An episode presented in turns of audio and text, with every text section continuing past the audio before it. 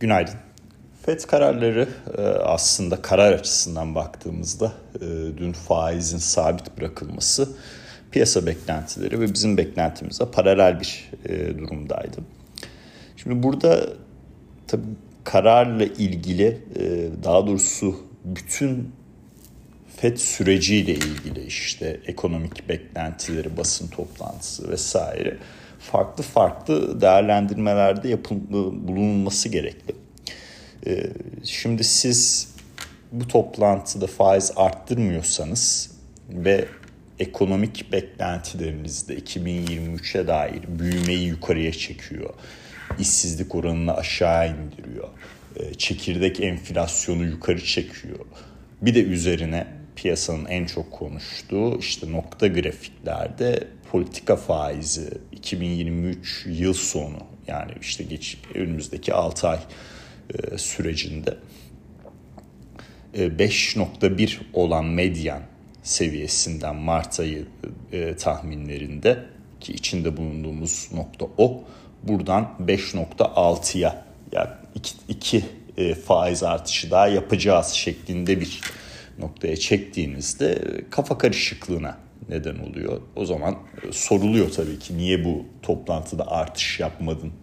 E, madem iki faiz artışı daha yapacaksan e, niye bekledin e, noktası e, olarak e, bu soru karşımıza çıkıyor.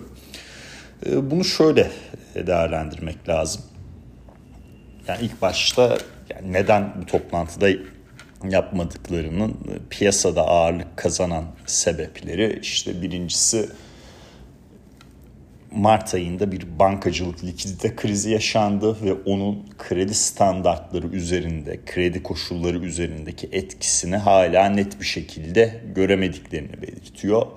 E, doğrudur e, ama şöyle de düşünmek lazım. E, işte Fed'in bir sonraki e, bankacılıkla ilgili kapsamlı kredi e, raporu, e, Senior Loan Officers raporu e, Temmuz toplantısından sonra açıklanacak. Hani belki bu raporu tabii Powell'la paylaşırlar. Ona ona o e, bazı e, bilgileri önceden alarak e, hareket eder. Onu bilemem. E, bir öncekinde çok yakın tarihteydi. E, raporu okumuştu. E, sunmuşlardı zaten. Bunu kendisi söylediği için söyleyebiliyorum. E, May, e, Mart ayından sonraki e, toplantıda bu konuşulmuştu diye hatırlıyorum. Birincisi bu yani kredi standartları ile ilgili belirsizlik. İkinci nokta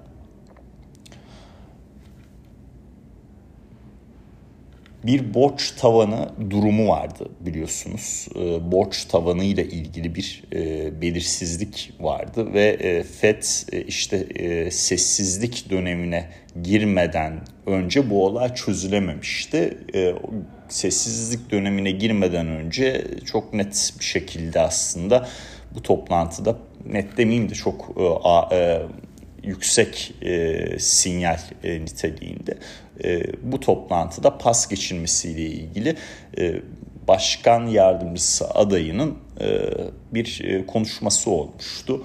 E, Fed'in e, işte e, lider kadrosunun e, işte yapmama faiz artışı yapmama isteği vardı. Borç tavanı çözüldü e, ama e, yeni bir sinyal verebilecek zamanları da yoktu, hakları da yoktu burada. Bir konuşulan nokta bu. Bununla ilgili de bir hemen farklı bir düşünce size söyleyeyim. Ya piyasada biliniyor ki Wall Street Journal'ın bir tane yazarı Fed sinyallerini bu sessizlik dönemlerinde piyasayla paylaşıyor. Ee, dolayısıyla hani e, bu da çok bence inandırıcı değil e, ama konuşulan e, nedenlerden biri. Diğeri sonuncusu ve en önemlisi bence en gerçekçi neden?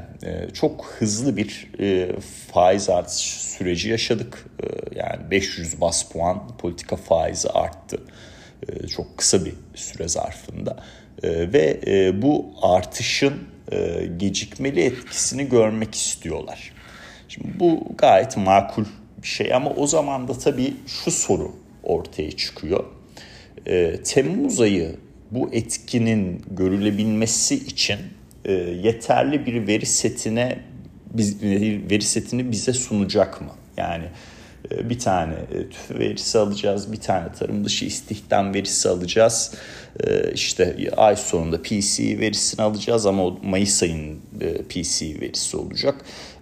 Dolayısıyla hani Temmuz'a canlı bir toplantı tanımını yapmak yani üçüncü neden düşünüldüğünde ne kadar gerçekçi ben anlamakta zorlanıyorum. Belki Eylül için bunu konuşmak daha mantıklı olabilir ki işte dünkü yayında bunu belirtmeye çalışmıştım. Ee, ama e, gene de kendisi Temmuz'u e, canlı bir şekilde e, tuttuğunu basın toplantısında belirtiyor. Yani bu toplantıda pas geçilmesinin üç ana sebebi bunlar bence işte belirttiğim üç ana konu piyasada da konuşulan üç ana konu bunlar. Ee, basın toplantısı biraz daha yumuşaktı. Yani karar bence güvercin. Ee, ekonomik projeksiyonlar beklentilerden çok daha şahin. Ee, basın toplantısı da yani ikisinin ortasında bir yerdi. Öyle özetleyebilirim.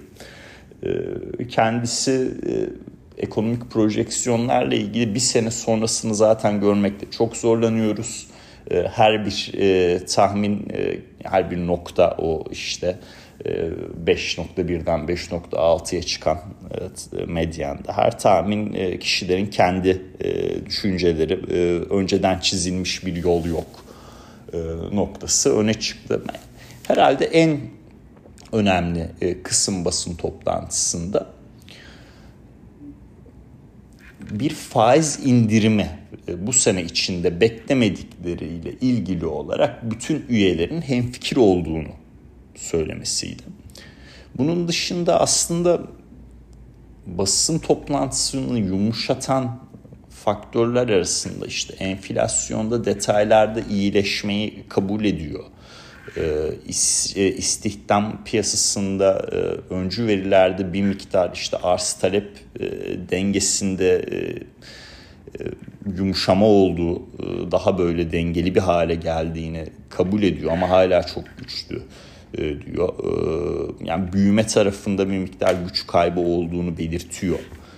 Ama işte yıl sonu mesela büyüme tahminini yukarı çekmişler. Burada bu taraf da mesela kafa karıştırabilir. Şöyle düşünebilirsiniz.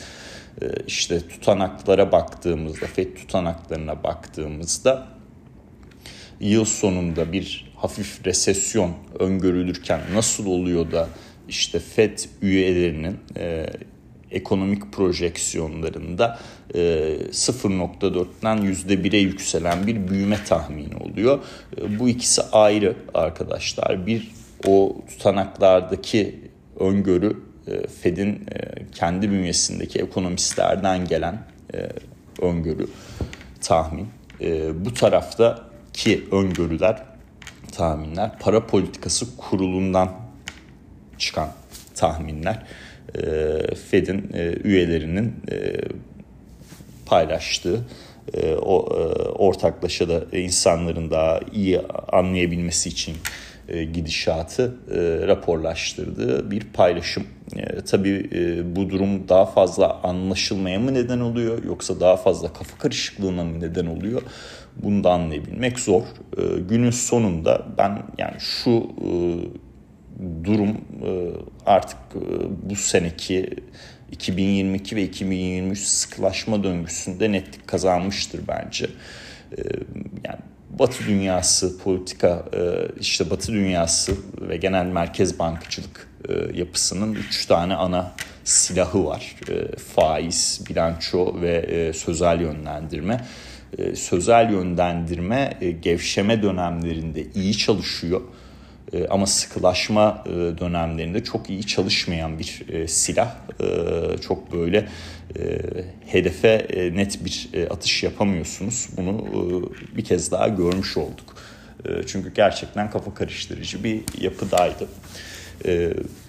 çok şahin yorumlarına baktığınız zaman e, o zaman nasıl oluyor da işte Nasdaq artı kapattı, S&P sert satış yemedi, yatay da olsa hafif de bir artı e, kapanış yaptı. E, tabii burada Nvidia e, etkisi de var ama e, günün sonunda e, bir e, FED kararı vardı ve endeksler, ABD endeksleri karar çok şahin daha doğrusu bütün toplantı süreci işte projeksiyonlar vesaire şahin çok şahin yorumları gelirken e, endeksler borsa endeksleri e, eksi bir e, kapanış yapmadı. Euro dolar 1.08'in e, üzerinde. Altın fiyatlarında gevşeme var doğru. E, o taraf biraz daha tahvil piyasasıyla alakalı. Ta, en net şahin fiyatlayan taraf tahvil piyasasıydı. E, oradaki neden de yani e, bir faiz yani faiz artışı fiyatlamasından mı geliyor yoksa faiz indirimi yapmayacaklarına dair bir sinyalden mi geliyor? E, o tarafı da iyi anlamak lazım. Hani ben daha çok faiz artışı yap şey faiz indirimi yapılmayacağından dolayı bir fiyatlama olduğunu düşünüyorum. Durum bu. E, FED kararlarını böyle özetleyebiliriz. E, bundan sonrası için şimdi Temmuz ayına canlı bir e, toplantı dediği için piyasa fiyatlamalarının ilk baktığı nokta Temmuz ayı olasılıkları olacak.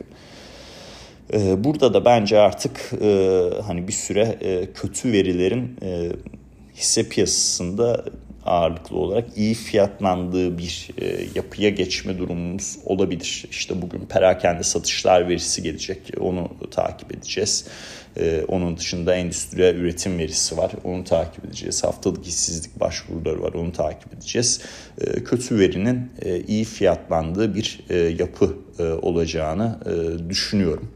Ee, yani gidip mesela haftalık işsizlik başvurunda 250 binin üzerinde bir rakamla karşılaşırsak endeksleri almaya devam ederler bence. Ee, ya da e, işte endüstriyel üretim beklenti altı kalırsa, e, perakende satışlar beklenti altı kalırsa e, burada kötü verinin iyi fiyatlandığı bir dönemde olacağımızı ben varsayıyorum dünkü FED toplantısı, FED kararları nedeniyle. Bu Nvidia özelinde de e, şey belirteyim hani dün e, yapay zeka hisseleri gene hareketliydi, canlıydı, e, olumlu gitti. McKinsey'nin bir raporu yayınlandı. Onu da okumak lazım. Bu sabah hemen indirdim raporu. McKinsey'nin sitesinden indirebiliyorsunuz. Yani herhangi bir parasal talep yok orada. Burada birçok farklı endüstriye generative AI tarafının uzun vadede ekonomik katkıları hesaplanılmaya çalışılmış. E, rakamlar bayağı yüksek arkadaşlar yani 300 milyar dolar, 400 milyar dolar böyle ekonomik katkılar farklı farklı endüstrilerden bekleniyor. E, bu tabii e, generatif AI ile ilgili olarak e, pazar işte e, önümüzdeki 5 yılda 10 yılda ne kadar büyüyecek sorusunda e, o beklentileri de yukarı e, revize eden bir e, rapor şeklinde diye anlıyorum. E, onun etkisiyle e, bence yapay zeka hisseleri hareketlenmiş oldu. E, raporu bugün okuyacağım. E, bir detaylı bir e, paylaşım da yapmak istiyorum raporla ilgili. Dinlediğiniz için çok teşekkürler. Herkese mutlu günler diliyorum. Tam diyecektim yani unuttum. Kusura bakmayın. İki tane konu daha var. Bir bugün Avrupa Merkez Bankası faiz kararı var. Faiz artışı bekliyorum 25 bas puan. Temmuz'da da 25 bas puan yapacağını düşünüyorum. Ee, ikincisi Çin verileri ee, Mayıs ayında işte perakende satışlar, e, endüstri üretim, sabit yatırımlar bunlar çok e, iç açıcı değil, çok kötü de değil.